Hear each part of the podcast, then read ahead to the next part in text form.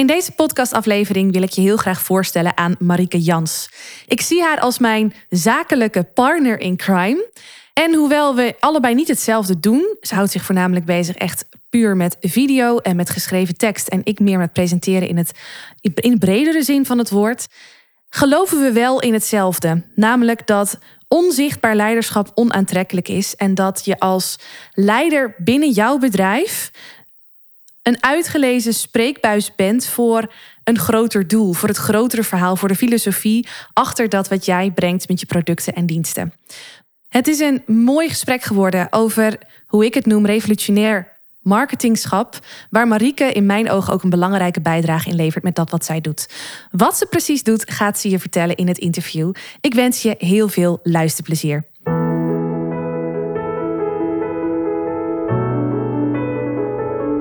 Mijn naam is Marije Wielenga. Wil jij jouw ondernemersverhaal delen als spreker, zodat jouw bedrijf nog veel meer aandacht krijgt? Dan is deze podcast Stralen Presenteren voor jou. Als Nederlands kampioen in speechen daag ik jou uit om grootse ambities waar te maken. Door het goud uit jouw ondernemersverhaal te delen op precies die plekken waar voor jou en je bedrijf grote kansen liggen. Blijf luisteren om te leren hoe.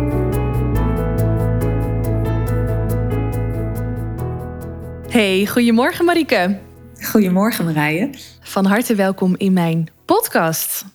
Ja, dankjewel. Leuk om hier te zijn. Ja, ik, uh, ik, ben, ik vind het leuk dat je er bent. Het is ook best wel een eer, want je bent mijn allereerste podcast-gast. Ja, ik begreep het. Nou, wat een eer. Wil je voor mijn luisteraars, voor onze luisteraars, even vertellen wie jij bent en wat je doet? Ja, um, nou, Marieke Jans. Wat ik doe, um, ik ben een ondernemer en ik help boegbeelden, dus gezichten van merken of organisaties, mensen, experts, om naar buiten te treden met uh, inspiratievolle verhalen en video's. Dus wat we doen is online een mooie, sterke reputatie opbouwen. Nou, met verhalen en video's. Dat is eigenlijk de korte samenvatting. Ik vind hem nog altijd een beetje te lang. Ik stond van de week ook op een feestje. Toen vroeg ook iemand: wat doe je? En toen hield ik een veel te lang verhaal. toen dacht ik, die pitch moet beter. maar uh, dit, is, dit is dan de kortere versie in ieder geval. Het gaat over online reputatie, boegbeeldschap. En de vorm is verhalen en video's. Oké. Hey, en hoe ben je hierbij gekomen? Ik ken je al wat langer dan vandaag, daar gaan we het straks vast ook nog over hebben. Maar hoe ben jij bij deze, ja, zoals jij het volgens mij zelf altijd noemt, drie eenheid gekomen van boegbeelden, reputatie en video slash verhalen? Ja, dat is, dat is natuurlijk niet een vooropgezet plan geweest. Ik heb een achtergrond als journalist.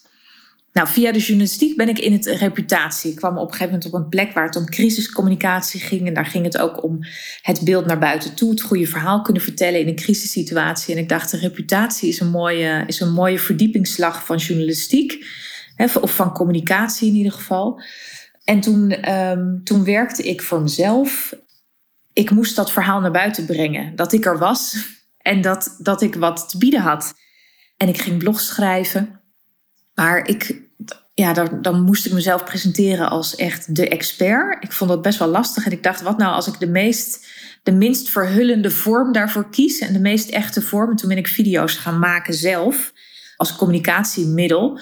En dat vond ik eigenlijk zo um, lastig en uitdagend dat ik mezelf daar steeds verder in ben gaan verdiepen. En toen ook, nou, toen werd video steeds meer ook, kwam steeds meer in het hart van, uh, van wat ik deed. Dus daar ben ik ook anderen in, uh, in gaan begeleiden. Ja, en nu komt dat een beetje samen. En hè, dan moet je ook als je, je moet natuurlijk ook nadenken van voor wie ben ik er dan? Voor wie doe ik dat dan? En ja, ik, ik heb voor boegbeelden gekozen. Um, ja, omdat ik het belangrijk vind dat een merk een gezicht naar buiten toe heeft. En dat dat echt mensen zijn en niet een communicatieafdeling. Dat het niet zo anoniem is allemaal. Ik vind dat, dat er veel te veel anonieme communicatie is. Dus ik werk heel graag met mensen die zelf um, ja, het verhaal van hun merk of organisatie naar buiten brengen. Um, en, en dat dus in die combinatie. Um, doen van video en geschreven verhalen. Schrijven vind ik ook, ja, dat is ook nog steeds een liefde van me. Maar ik vind video zoveel, ja, daar komt nog meer samen. Dat is nog confronterender, dat is nog spannender. En ik vind het altijd leuk als het een beetje ingewikkeld wordt. Dus, um, of als het uitdagend wordt in ieder geval. ja, dus uh, op die manier is dat ontstaan, stukje bij beetje. Maar allereerst, als ik jou zo hoor, wat ik, wat ik hier heel boeiend aan vind, is dat je, uh, als ik het zelf in mijn eigen woorden mag vertalen, eigenlijk zegt dat jij voor, de, voor jou minst makkelijke weg hebt gekozen in jezelf zichtbaar maken en hoorbaar maken. En dat dat ook niet altijd even makkelijk was. En dat je daardoor juist interessant vond, vindt. Dus dat, dat is interessant. Maar ik kan me zo voorstellen dat datzelfde geldt voor jouw klanten. En als ik jullie dan even samen mag pakken, waarom zou je voor de weg met de meeste weerstand gaan? Als zichtbaar zijn en hoorbaar zijn misschien ook op een andere, meer mainstream en makkelijkere manier kan? Ja, dat is een goede vraag. Kijk, je kan sowieso in het leven, kan je, hè, als je dat voorstelt als een groot stadion, is de veiligste plek gewoon toeschouwer zijn. Gewoon kijken wat anderen doen en uh, daar misschien iets van vinden en je daardoor laten leiden. Maar spannendere plek is om een speler te zijn, om op het veld te gaan staan, om echt in het spel te springen. Het heeft ook een beetje met die levenshouding te maken dat ik dat. Ja. Ik heb denk ik best lang op die toeschouwersplek gezeten totdat ik dacht: dit, vind ik, dit is niet de leukste plek. Ik wil echt in het veld, ik wil speler zijn. En daar horen dan ook dingen bij die uitdagend zijn en spannend zijn. Dus dat, die filosofie zit er een beetje achter. Van als je, als je invloed wil hebben, um, dan heb je in het spel te gaan staan. Klopt die zin? Ja, nou, je snapt wat ik bedoel. Hè? Dan, dan moet je daar gaan staan. Dan moet je een speler worden. En ja, ik vind dan ook, dan, dan kies je ook zeg maar het meest impactvolle materiaal. En dat is dan toch om, hè, om communicatie om het verhaal naar buiten toe ook persoonlijk te maken. En om je eigen, om jezelf instrument te, durven maken van de boodschap die je hebt. Want um, ik denk, ik geloof dat jij die filosofie, of ik weet dat jij die filosofie ook uithangt. Het gaat niet om dat jij zo belangrijk bent, maar het gaat erom dat je jezelf instrument durft te maken van de boodschap die je hebt. En dat je dat durft te doen, ook al, ja, ook al is het spannend en ook al ben je bewust van alles wat je nog niet weet, wat je niet kan. Maar om toch op die plek van speler te gaan staan en dan full in te gaan. Ja, en, en daarbij, maar dat vind ik dan een minder interessant verhaal, is video. Is natuurlijk het communicatiemiddel van de toekomst waar je niet omheen kan. Dus dan kan je het maar beter, kan je er maar beter induiken. Ook als ik weet dat er ook nog steeds communicatie um, mensen zijn of reputatiemensen zijn die zeggen: nee, joh, je moet het gewoon bij geschreven verhalen houden en video, dat gaat het niet worden. Maar ik, ik ja, het, hè, als we iets googelen, als we een probleem hebben en we weten iets niet, nou, veruit de meerderheid van de mensen googelt dan filmpjes. Ja. De manier waarop we elkaar ontmoeten is vooral online. En als je dat dan met video doet, hè, dat is vaak de eerste indruk die we van elkaar hebben. Als je dat dan met video doet, ja, dan, dan sta je volop in het spel. Ja. Dus dat vind ik sowieso interessant daaraan. Ja, ja. ja er komen twee vragen in mij op. Allereerst, um, je, je stelt jezelf dus kwetsbaar op met video's maken, met zichtbaar zijn, hoorbaar zijn als, als mens. Helemaal zo in je authentieke, meest authentieke vorm, denk ik, zoals ik het zie. Wat levert het dan op? Wat maakt het de moeite waard om dat te doen? Wat heeft het jou opgeleverd? Misschien moet ik die vraag eerst, eerst stellen. Wat heeft het jou opgeleverd? Verbinding. Um, en dat is zo'n beetje een jeukterm natuurlijk. Maar je stelt je echt open om een relatie op te bouwen. Om benaderbaar te zijn, om toegankelijk te zijn. En dat zeg ik in de wetenschap. Hè, dat zeg ik, en tegelijkertijd kies ik er niet voor om maar alles op video te zetten. Of om. Hè, ik, ik werk net als jij met video's die echt. Um, ja, hè, in een studio of in op een mooie plek zijn gemaakt door een videograaf. Dus ik, het heeft wel een bepaalde mate van, of best wel een hoge lat van professionaliteit. Maar in de kern blijft het dat. Dat het, dat het echt een waanzinnig mooie reputatie of een, een relatiebouwer is. Een relatie bedoelde ik niet reputatie. Maar ja, het hoeft niet per se meer klanten te zijn, maar het is wel um, klanten die echt voor jou kiezen. dus je bent minder vervangbaar voor klanten en minder vervangbaar voor relaties. Maar ook um, een zichtbare leider met een goed verhaal is ook uh, ja, voor de mensen die in jouw organisatie, in jouw team of met jou werken, is heel erg motiverend. Hè, er is niks minder motiverend dan een, een baas, een leidinggevende, een leider die zich niet laat zien, die opgesloten is, waarvan je de intenties ook niet kent en de beweegredenen en de, ja, de ideeën, maar ook die je ook niet zo erg ziet als mens. Mm dus daar, het geeft antwoord op best wel veel van dat soort aspecten, vind ik. Ja. Dat, je, dat je er bent, dat je een verhaal hebt, dat je naar buiten treedt. En ehm, ja, dat mensen dus echt met overtuiging voor jou kunnen kiezen. En dat hoeft niet altijd meer te zijn, maar wel, het geeft wel een verdiepingsslag en meer kwaliteit, waardoor de relatie, hè, waardoor meer de juiste mensen op je pad komen en je daar ook echt stevige relaties mee opbouwt. En ehm, ja, dat ja, ja. is natuurlijk smeerolie voor een heleboel dingen. Mooi. Doet me heel erg denken aan waar we het laatst. Is dat concreet genoeg? Vind je dat concreet genoeg? Ja? Ja, vind ik concreet genoeg. Het doet me heel erg denken aan iets waar we het eerder over hadden. Namelijk de return on investment. Als je werkt met jou of als je werkt met mij dan wordt wel eens de vraag gesteld, tenminste, we krijgen allebei die vraag wel eens: van wat is dan de return on investment? Wanneer hebben wij ons terugverdiend? Waarom heb jij, wanneer jij en wanneer ik? En volgens mij zitten we daarin wel op één lijn. Als ik dat samen mag vatten, hoe wij het zien, is dat de return on investment. Het is natuurlijk veel moeilijker meetbaar, omdat het niet zo concreet is als wanneer je bijvoorbeeld eh, een machine koopt en na zoveel uh, productie heb je die machine eruit. Maar gaat het bij ons veel meer om wat kost het je als je dit niet doet? En wie ben je als je het niet doet? En wie wil je zijn door het wel te doen? Als ik hem samenvatte hoe wij dat zo toen hebben besproken. Als je als bedrijf staat voor creativiteit, voor innovativiteit, voor expertise, voor vertrouwen, voor verbinding. Dat ook heel erg ja, terug laat komen in de producten en diensten die je biedt op de markt en consumenten of aan andere bedrijven ja, dan, dan moet je dit gewoon willen. Dan moet je gewoon zichtbaar en hoorbaar willen zijn op een authentieke manier die zich onderscheidt, die jou onderscheidt, die je bedrijf onderscheidt van iedere andere collega, concurrent, maar ook van andere collega's. Vat ik dat goed samen? Ja, ja ik, denk, ik denk zeker dat het zo is. En ook als je kijkt naar, als je iets verder, je blik ietsje verder in de toekomst richt, zeg maar, hè, merken die relevant zijn, die. Ehm, ja, die hebben een verhaal en die, die laten zichzelf ook zien en kennen. En dat, daar zit natuurlijk niet, hè, dat kan je op dit moment niet meten in return on investment. Ja, goodwill wordt natuurlijk wel, dat, dat um, wordt wel gemeten. Maar ik denk ook ja, dat, je, dat je het ook mag zien in termen van relevantie in, voor nu en in de toekomst of je een relevant merk blijft en of je een, een, merk bent met een verhaal. En ik denk zonder verhaal dat je het, dat ja, merken zonder verhaal het gewoon steeds lastiger gaan krijgen. Of je nou een zelfstandig ondernemer bent of een heel groot bedrijf.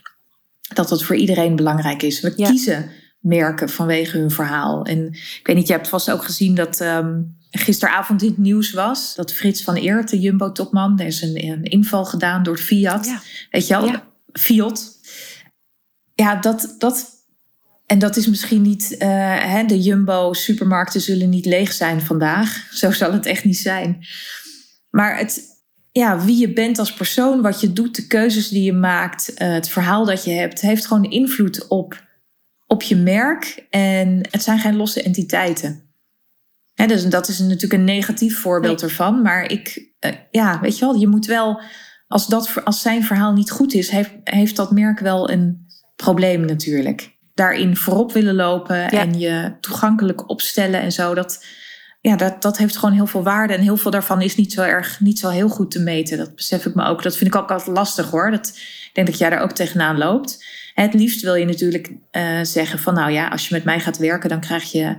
Hè, dan uh, staan volgende week de juiste klanten in de rij. Nou, zo hard gaat het niet. Uh, ja, hè, soms lukt dat heel duidelijk om ja, zo concreet is het niet. die investering terug te verdienen. Maar wat zei je? Nou, zo concreet is het niet. Het is zo moeilijk meetbaar. Want het kan best zo zijn dat er inderdaad die week daarop nieuwe klanten bij je voor de deur staan. Maar het is zo moeilijk meetbaar. Of dat het dan heel direct komt van die video's en van die verhalen die je hebt verteld. Of in mijn geval ook van de presentatie die je hebt gegeven. Of hoe je op een andere manier zichtbaar bent geweest. Of dat het gewoon een optelsom is van. Ja, zo concreet is het gewoon niet te maken. Ja, ja. Nee, wat, wat wel concreet is te maken is dat je netwerk groeit en veel warmer wordt. Mm dus je, bent, je, hebt, je staat veel meer op het netvlies bij mensen. En dat dat natuurlijk de ideale omstandigheid is om makkelijker de juiste klanten aan te trekken een netwerk wat warm is, waar jij goed zichtbaar bent, waar mensen goed weten wat je doet. Ja, ja, ja uiteindelijk, mensen kopen van mensen. en op het moment dat je een vertrouwen voelt bij iemand, het vertrouwen voelt bij iemand, wordt het gewoon een stuk makkelijker om een stap verder te gaan samen. Hey, waar ik zo benieuwd naar ben, Marieke, en ook voor de luisteraar denk ik heel interessant. Ik heb het vaak over revolutionair marketing voeren. Dat wat ik doe met mijn klanten, wat ik doe en wil bereiken voor mijn klanten. Jij hebt het vaker over boegbeelden en reputatie. Waar zit volgens jou het verschil in dat wat wij doen? Nou, ten eerste denk ik dat er heel veel overlap in zit. In wat, want jouw revolutionair marketing voeren gaat ook over een breder verhaal hebben. Hè? Dat ook maatschappelijke thema's durven aan, uh, aanraken en uh, voorbij je eigen commerciële doel um, verhalen vertellen. Nou, een, een, zeg maar optisch verschil is dat jij uh, het woord marketing gebruikt en ik niet. Dus voor, ik, ik denk meer vanuit de personen, de boegbeelden, de leiders. En uh, revolutionair marketing voeren gaat in mijn ogen meer organisatiebreed. Maar dat is, ja, wat, waar zit het verschil in? Ik, misschien is het wel vooral buitenkant. En ik denk dat wat we willen, hè, waar we voor staan, wat we, wat we teweeg willen brengen, dat, dat dat, ja, dat daar waanzinnig veel overlap in zit. Wat denk jij?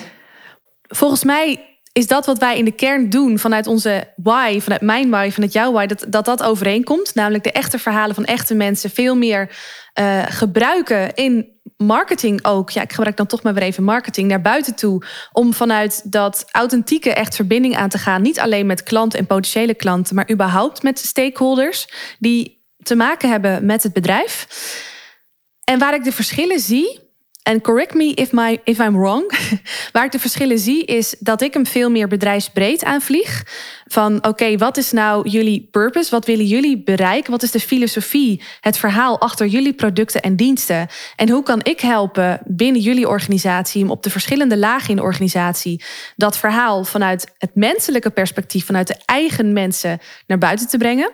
Dus dat kan zijn dat de, eh, de founder, de bestuurders uh, keynotes gaan geven. Dat kan ook zijn dat uh, nou, boegbeelden, en daar kom jij kijken, dat die inderdaad video's gaan maken, dat die op die manier werken aan een online reputatie maar het kan ook zijn dat meer mensen die juist in contact zijn direct met klanten, gaan werken aan hun presentatie, om dat, aan hun presentatievaardigheden, om dat op een onderscheidende manier te doen. Dus ik vlieg meer richting bedrijven, bedrijfsbreed aan en die verschillende uitingen. En wat ik zie bij jou is dat jij je echt focust op de leiders in het bedrijf. Ook met die leiders kijkt naar hun um, specifieke expertises en juist meer ja, dat merk naar buiten uit, gaat dragen, waar het bedrijf indirect ja, van mee profiteert. Maar wat ze ook met zich meedragen als ze vervolgens weer wat anders gaan doen. Zeg ik dat goed?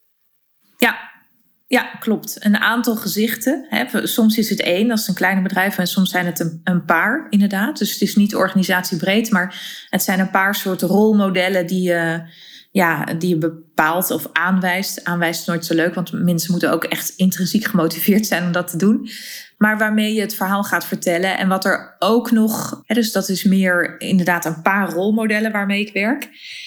En wat er anders is, maar dat is een, een stap die ik aan het nemen ben, is om met die boegbeelden ook meer te gaan zitten op actualiteit. Dus um, ook uh, duiding te geven aan wat er gebeurt in de wereld om hen heen vanuit hun expertise. En dat is denk ik ook een, uh, daar, daar verschillen we ook in, in wat we precies aanbieden.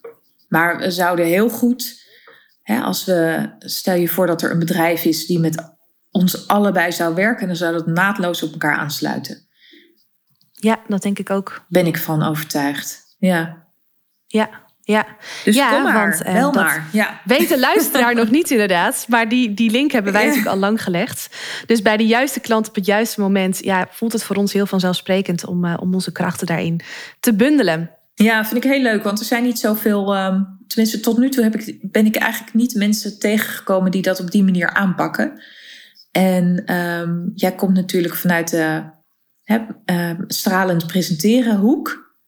Maar je hebt nou ook een, een ja, verdiepingsslag, verbredingsslag ja. gemaakt. Ja, omdat met, met de marketingrevolutie en dat ben ik, ik, kom, ik ben dat gewoon nog niet zoveel tegengekomen. Mensen die dat zo. En die dan ook daarin zelf een voorbeeld zijn, wat jij bent. Hè? Want jij doet het en je laat het zien en je leeft het voort voor. En ik denk dat we daarin elkaar ook al veel vroeger gevonden hebben dan uh, alleen op dit moment. Ja, klopt. Dat is misschien wel leuk om even te vertellen. Wij kennen elkaar, we hebben elkaar leren kennen in een business coachingstraject. Bij Marloes Halmans was dat. Ja. Ik denk een jaar of twee, drie geleden. Ja. Zeg ik dat goed? En vervolgens, uh, nou ja, dat, dat, traject was afgelopen. En nou, we kenden elkaar wel, maar we zagen elkaar niet meer zo vaak. Totdat we elkaar later tegenkwamen bij dezelfde andere business coach, zonder dat van elkaar te weten. Dus ja, dat is ook wel bijzonder. Klopt. nou, eigenlijk, eigenlijk ken ik je nog eerder daarvoor. Want ik, we volgden elkaar al wel op LinkedIn. En omdat jij video's maakte en ik ja, ook. dat is ook zo. Hè, waren we wel een soort uh, al vertrouwd met elkaar.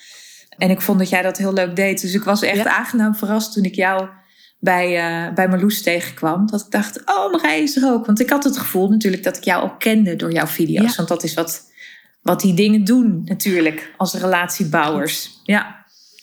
Ja, dat klopt. En dat was, dat was andersom ook, dat weet ik ook nog inderdaad. En, en jij had het net over mij. Ik kom inderdaad uit, een, uit meer een presentatiehoek, het leren presenteren. Heb ik jaren gedaan met heel veel plezier en heel veel voldoening. In die tijd deed jij volgens mij vooral iets met video, iets tussen twee haakjes, als in dat je andere mensen hielp video's te maken. Ja.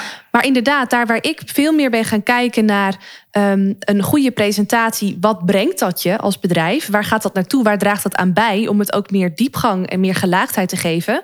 Zie ik dat jij eigenlijk hetzelfde hebt gedaan met video. Want een goede video, video's maken. Waarom moet je dat willen en wat brengt het je uiteindelijk? Dus ook jij bent met boegbeelden en reputatie die diepgang ingegaan. En ja, dus dat voel ik ook heel erg bij jou en bij jouw merk. Ja, dat het veel meer diepgang, bezieling ehm, en ook impact uh, heeft gekregen. Ervaar je dat zelf ook zo? Ja, ja het is misschien een beetje tegenstrijdig, want het zijn nou, het zijn ook teksten, maar ook, ook video's. En die zijn dan altijd kort. Die zijn maar uh, anderhalf of twee minuten. En hoeveel diepgang kan daar dan in zitten? Maar er zit natuurlijk een heel verhaal achter, weet je wel. Ze zijn echt ehm, ja, uh, goed uitgedacht. En uh, ze geven echt antwoord op een, op, een op een urgente vraag in de markt. Of iets wat heel erg speelt in de doel, bij je doelgroep. En, en toch, zeg maar, soort tijdloos. En dus er zit heel veel denkwerk achter. Ja, het gaat niet om die ene video, hè? Net als het altijd in mijn optiek niet gaat om die ene presentatie. Nee, nee het, gaat, het gaat heel Het gaat om het totaalbeeld. Ja, totaalbeeld en ook het uh, doorzetten daarin en het doorbouwen daarin. En um, hè, een Queen Elizabeth, ik, tenminste, ik, ik um, blijkbaar heeft ze dat ooit gezegd. Dat kwam langs, want zij is natuurlijk uh, vorige week overleden. Was het vorige week? Was dit weekend? Nou, you have to be seen to be trusted.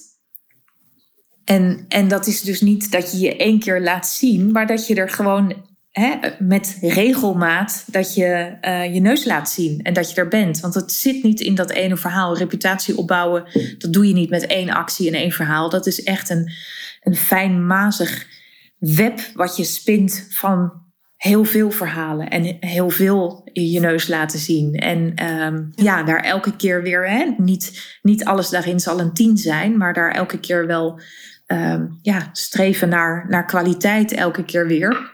Daarin jezelf elke keer weer uitdagen. En daarmee, ja. ja daarmee bereik je dat. Dus uh, ja, het gaat echt om het, om het continue proces daarin. Ja, dat bevestigt voor mij ook wat we eerder zeiden: dat het niet zozeer gaat om wat je op dat ene moment toevallig laat horen of laat zien, maar veel meer om wie je bent. Ja. En ik denk dat dat ook voor onze beide klanten opgaat. Dat het niet per se gaat om die ene presentatie die ze even fantastisch neer willen zetten en daarna weer weg willen lopen. Of die ene video die helemaal perfect moet zijn. Ja. Maar dat het veel meer gaat om wie zij, willen, wie zij zijn en daarmee ook willen laten zien aan de buitenwereld. Het volledige plaatje. Het authentieke, eerlijke verhaal. Ja, ja, en wat ik altijd een beetje een valkuil vind daarbij, en misschien ervaar je dat ook zo, dat je en, um, in, in die hele gekte van social media, dat het daar lijkt te gaan op, om het aantal likes en het algoritme en het. Um, hè, ik, ik moet altijd een beetje nadenken van hoe verhoud ik me tot die hele soort uh, luidruchtige fanfare die continu doormarcheert. Om daar dan toch en daar gaat het niet mm. om. Het, het, het gaat niet. ik wil verhalen maken en video's maken die, die niet afhankelijk zijn van het platform. Dus het gaat veel meer om. Het ligt veel dichterbij. En dat platform is alleen maar een handige tool. Maar het kan ook als dat platform morgen niet meer bestaat, als LinkedIn morgen niet meer bestaat, dan wil ik dat die verhalen nog steeds overeind staan. En dat, dat er nog steeds, zeg maar, hè, dat je nog steeds bouwt aan die reputatie. Dus dat, en dat is soms een, een, um, een lastig evenwicht, want ik werk ook met veel mensen die zijn helemaal niet zo. Um, ja, die willen niet heel erg bezig zijn met social media en dat niet belangrijk maken en daar geen populariteitswedstrijd van maken en zich daar niet in verliezen, wat ik, waar ik helemaal, wat ik helemaal begrijp, waar ik helemaal in mee kan gaan. Maar we gebruiken het wel, we zetten het wel in. Ja. Herken je dat? Ja, ja, absoluut. Absoluut. Ja. Ja. ja, ik zit ook even te denken aan een, aan een concreet voorbeeld bij hoe dat voor mij zo voelt. Um, sowieso ben ik met mijn klanten heel erg aan het kijken hoe die, welke vorm dan ook van presenteren kan bijdragen aan wat zij willen bereiken met het bedrijf, aan het verhaal wat ze willen uitdragen. Waarbij video niet per se uh, alleen of überhaupt ingezet moet worden voor social media, maar dat kan ook voor op een website. Het kan ook dat we met elkaar tot de conclusie komen dat ze op een leuke, ludieke wijze met eigen video's bepaalde klanten willen aanspreken of bepaalde prospect willen aanspreken. Dus er is ook in, in, in, ja, in mijn werk met klanten niet één manier die geldt voor alles en iedereen. Daar mag je speels mee zijn. Als die verhalen van die echte mensen maar voorop blijven komen. En wat ik zelf nog een heel mooi voorbeeld vind van. Nee, ik ga dat voorbeeld nog even niet noemen. Dat ga ik straks doen. Ik wil jou eerst nog de vraag stellen. Wat, wat, wat hoop jij nog te bereiken? in de rest van mijn carrière, bedoel je? Ja, wat, wat, wanneer is het voor jou, wanneer voel jij je voldaan? Waar werk je naartoe? Wat is jouw ultieme doel met dat wat je doet? Ehm, ja, om met een, um, met een mooie groep van boegbeelden uh, te werken. En het liefst, ik voel me soms nog een beetje een soort roepen in de woestijn, omdat ik dat plaatje zo voor me zie van hoe belangrijk het is om als leider naar buiten te treden en gezicht te hebben, om als, als organisatie boegbeelden te hebben.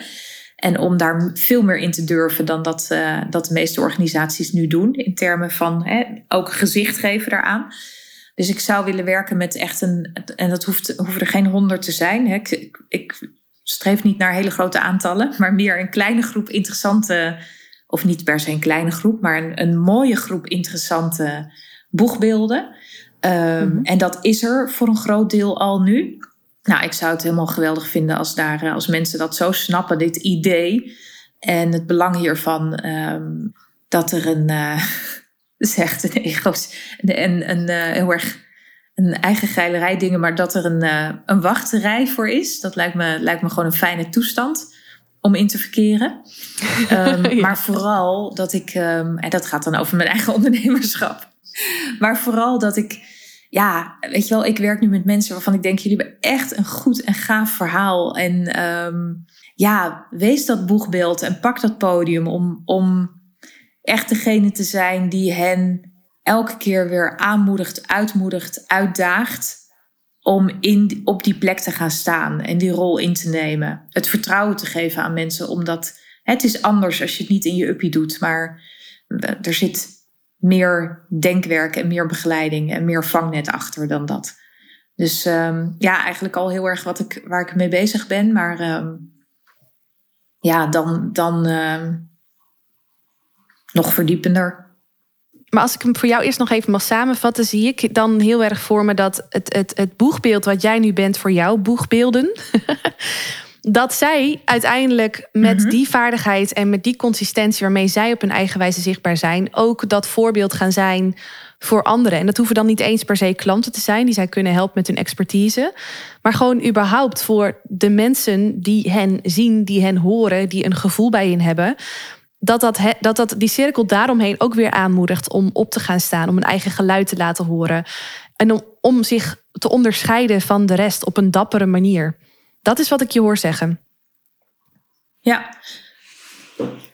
Ja, en, en wat ik, wat ik um, uh, nog als aanvulling, wat ik echt heel gaaf zou vinden, is als dat ook zou kunnen met zachtheid, met inclusieve verhalen met hem mm. ook de softe onderwerpen. Omdat dat nu, um, nou bijvoorbeeld met een van de klanten die heel erg in een, uh, in een hele zakelijke wereld, uh, zijn bedrijf in een hele zakelijke wereld. En daar zijn we ook af en toe wel die softere onderwerpen aan het, uh, aan het aanraken. Aan, daar, daar werken we mee, bijvoorbeeld in video's en verhalen. Niet alleen maar, maar ook. En dat is voor zo'n organisatie heel spannend. Dat geeft ook best wel veel discussie.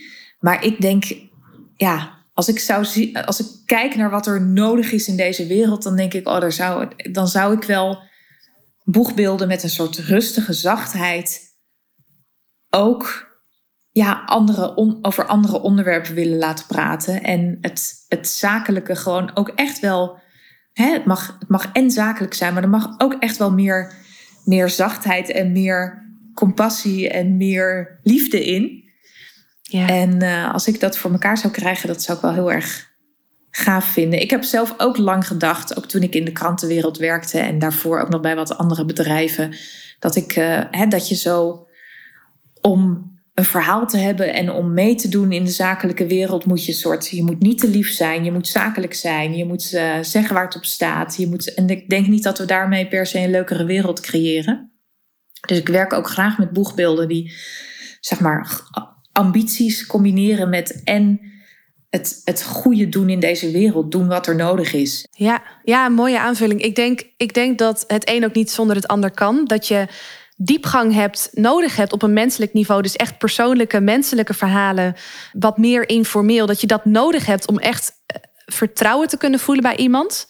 Uiteindelijk nemen we alleen iets aan van iemand op het moment dat hij eh, zoals wij voelt. We willen graag ons verbinden met mensen die net zoals wij zijn. En iemand die alleen maar formeel en zakelijk en, en in moeilijke termen spreekt, hoog over. Een beetje het, ja daar, daar voelen we die menselijkheid niet achter. En als we dit niet voelen, kunnen we ons daar niet mee verbinden. Dus ik denk dat het een ook niet zonder het ander kan. En tegelijkertijd ervaar ik het zelf ook heel erg dat hoe spannender iets is om te delen. Als je daar doorheen gaat en je weet ook, je hebt ook even kunnen sparren van kan ik dit doen? Ja, ik kan het doen of net niet of net wel. Of net in die termen of net in die bewoording. Mhm. Als je het dan toch doet, levert het vaak veel meer op dan de posts of de verhalen of de video's die toch wat veiliger zijn en wat meer over de hoogover onderwerpen gaan. Ja, en, ja. En ik denk dat dat een continue strijd ook is waar je mee te maken blijft hebben. Ja, ja dat gaat natuurlijk ook over kwetsbaarheid. Ja. Ja, ja wat je ziet dat, dat um, hè, een organisatie zelf vindt dat spannender als het wat kwetsbaarder wordt. Maar het, het publiek en het netwerk en het, um, de mensen die er naar kijken, ja, daarmee de, de engagement en de indruk die het wekt voor, wordt alleen maar groter. Ja, ja. Dus daar zit inderdaad een uh, spagaat of een, ja. Uh, ja, nou ja, dus vaak een, een, een gevoelig onderwerp inderdaad. Ja. Wat zou jij willen zeggen tegen die mensen, die bedrijven, die boegbeelden, die professionals, nou geef ze een naam, die als ze ons zo horen praten, wellicht wel denken: oh ja, nee, ik geloof wel dat het interessant is, maar ook de overtuiging hebben: ik hoef niet per se zelf in die spotlight te staan. Mm, ja. Dus die zichzelf niet zo belangrijk willen maken. Wat zou je daar tegen willen zeggen? Ja, wat ik, wat ik vaak merk is dat er toch ergens een stille ambitie is. En die moet er wel zijn. Als je dat helemaal niet hebt, um, dan is het ook lastig werken. Maar dat er toch, en stel je voor dat je bent, je bent een, uh, een hele goede expert op het gebied van, ik zeg maar wat, um, voedselveiligheid. En jij zit op de tribune hè, qua um, naar buiten treden. En er is een, een collega die met, met ongeveer dezelfde kennis, maar misschien net iets minder dan jij. Of, uh, en die brengt wel allerlei verhalen naar buiten. Dan gebeurt er, dan, dan is er, dat, dat roept vaak toch iets op. En ik denk, als je dat hebt, als je dat gevoel hebt van ja, maar ik, ik weet dat net zo goed. Ik, ik weet dat misschien zelfs wel beter, maar um, ik ben gewoon wat, wat bescheidener van aard. Ik zou dan iemand willen uitnodigen van ga eens proberen om gewoon in het spel te gaan staan. En op de, je hoeft niet alles te weten. Het gaat veel meer om een beslissing. Het besluit dat jij ja, degene bent die, die het verhaal naar buiten toe gaat brengen. Niet omdat je jezelf zo belangrijk vindt, maar omdat je het belangrijk vindt dat het goede geluid gehoord wordt. En het goede verhaal verteld wordt. En misschien ook wel omdat je, stel je voor, um, je bent met een hele grote groep super verlegen mensen. En er is er eentje het minst verlegen. En ik denk dat je dat dan zelf aanvoelt en dat jij dan maar gewoon moet beslissen. Maar dan, hè, ik ben ook verlegen, maar dan, dan ga ik toch maar het woord nemen. Want de rest, hè, iemand, ja, iemand moet het voortouw nemen hierin. Eigenlijk, eigenlijk zeg jij dan, als ik het zo samen mag vatten, maak je visie En dat wat je te brengen hebt belangrijker dan de bescheidenheid die je voelt om zichtbaar en hoorbaar te zijn. Vat ik dat goed samen? Ja, en ja, ja, want het hoeft niet op een schreeuwerige manier. Die bescheidenheid of zelfrelativering, die kan ook prima een plek krijgen in de manier waarop je het doet. In de toon van je verhalen en in de, in de aanpak waarmee je het doet. Maar ik, als je alleen maar bescheiden gaat zitten zijn en je, je blijft op die plek, dan voeg je ook niet zoveel toe. Terwijl je ook naar buiten kan treden en tegelijkertijd heel erg toegankelijk kan zijn voor andere mensen. Of um, open kan zijn voor andere mensen. Dus ik denk, ik geloof niet dat ja, bescheidenheid een criterium moet zijn van dan doe ik het maar niet. Nee, ik geloof dat je kan zeggen, ik ga dat doen en ik wil ook uh, zelfrelativering daarin uitstralen. Dat is prima en dat kan heel goed. En daarmee kan je juist, ik, ik denk dat dat vaak de meest interessante boegbeelden zijn, die dat ook laten zien. Die niet een soort uh, vorm van, uh, ik, ik, ik weet het allemaal, luister maar naar mij, maar um, ja, die dat op een meer, um, bijvoorbeeld een meer onderzoekende manier, meer als explorer dan als allesweter doen.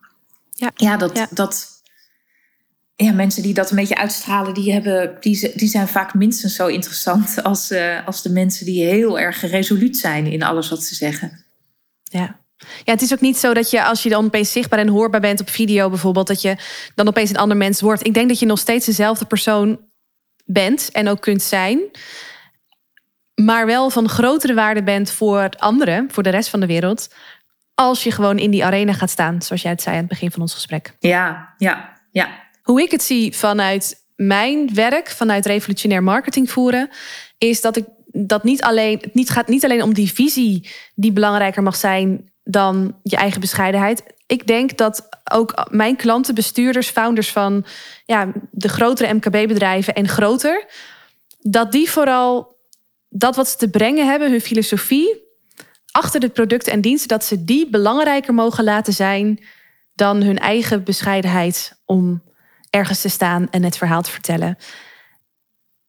Dat, ja, dat is wat ik heel erg voor ogen heb. Ik vind dat je jezelf onnodig belangrijk maakt als je maar gewoon met de mainstream media en met de mainstream manier van marketing voeren meegaat. Terwijl je nog zoveel meer zou kunnen bereiken als mhm. je het op een andere manier doet. Op een manier die eigenlijk ook veel beter past bij dat wat je uh, brengt met de producten en diensten die je, uh, die je biedt. Ja, toch zijn er heel veel um, bestuurders, directeuren, um, um, founders die zeggen: Ik hoef niet zo op de voorgrond.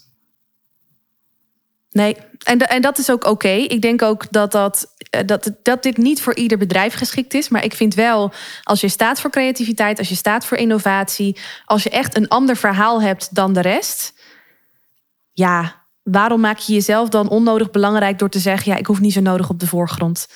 Dan mag, dan mag dat gevoel wat je wil, hè, dat, dat wat je te brengen hebt met jouw producten en diensten en vooral het verhaal daarachter, mag veel belangrijker worden gemaakt dan jouw redenen als eenling om er niet te gaan staan en het niet te gaan vertellen. Dat is zoals ik het zie. En ik zie ook dat de klanten met wie ik werk, mm, dat die dat voelen. Dat die dat, dat vuur voelen branden. En ja, het zijn misschien ook niet per se sprekers, mensen met sprekersambitie. Bedoel, anders waren ze wel spreker geworden. Maar ze weten wel heel goed dat als ze hierover gaan vertellen op hun eigen manier, uh, op een manier die ook past bij professioneel spreken, wat ik ze kan leren, ja, dat, dat, dat ze daar echt veel meer impact mee gaan maken en veel meer succes mee gaan brengen. In die, ja, natuurlijk voor hun eigen product en dienst, voor hun eigen bedrijf. Maar indirect voor dat, wat ze, uh, dat waarmee ze de wereld mooier maken. Door die producten en diensten aan te bieden aan andere bedrijven of andere consumenten. Ja, ja. Ja, want dat is, hè, gaat, het, gaat het om het eigen persoonlijke succes en de, de personal marketing, of gaat het om een, uh, heb je een breder doel. Maar ik denk dat het ook samengaat. Dat, dat onzichtbaar leiderschap heel onaantrekkelijk is. En dat er daar bijna een beetje argwanend uh, van, van wordt tegenwoordig. Want hè, wat, ja, het is meer van wat voor reden heb je om je, om je dan zo verstopt te houden. Mhm. Maar ook inderdaad, van je, je bent gewoon een spreekbuis voor dat. Hè, je bent een instrument voor dat grotere verhaal, voor de relevantie van jouw merk, voor waar jouw merk voor staat, voor welke, welk doel dient, uh, welke plek het heeft in deze wereld.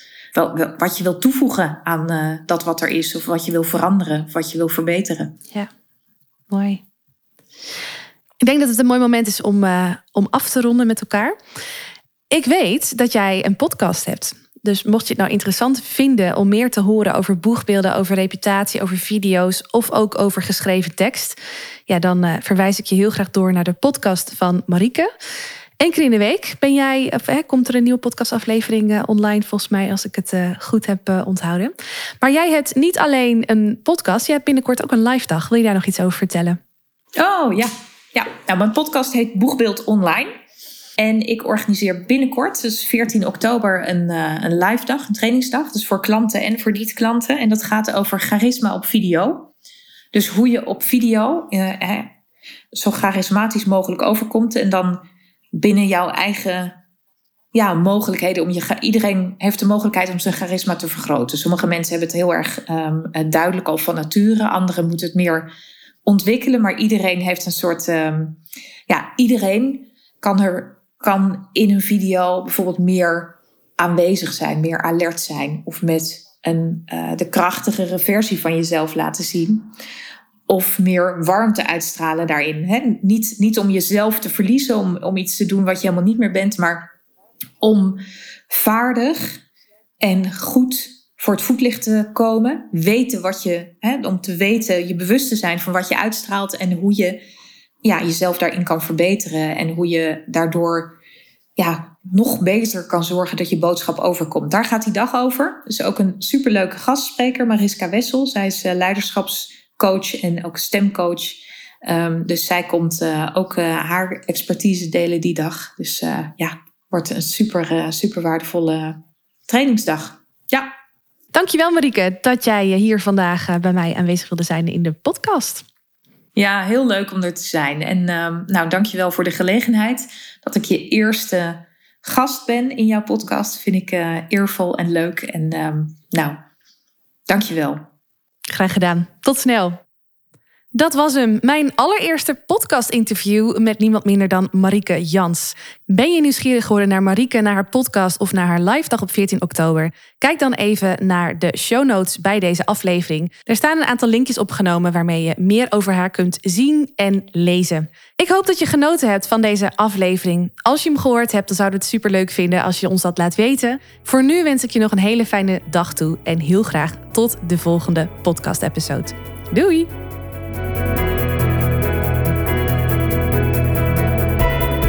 Is deze podcast waardevol voor je? Abonneer je dan op mijn kanaal om geen aflevering meer te hoeven missen. En als je dan toch bezig bent, geef je hem ook gelijk even 5 sterren via Apple Podcasts of via Spotify als dat jouw favoriete luisterkanaal is. Dat waardeer ik echt enorm. Dank je wel alvast. Onthoud, je drinkt niet door met woorden, maar wel met het gevoel dat je de ander geeft. Tot de volgende aflevering.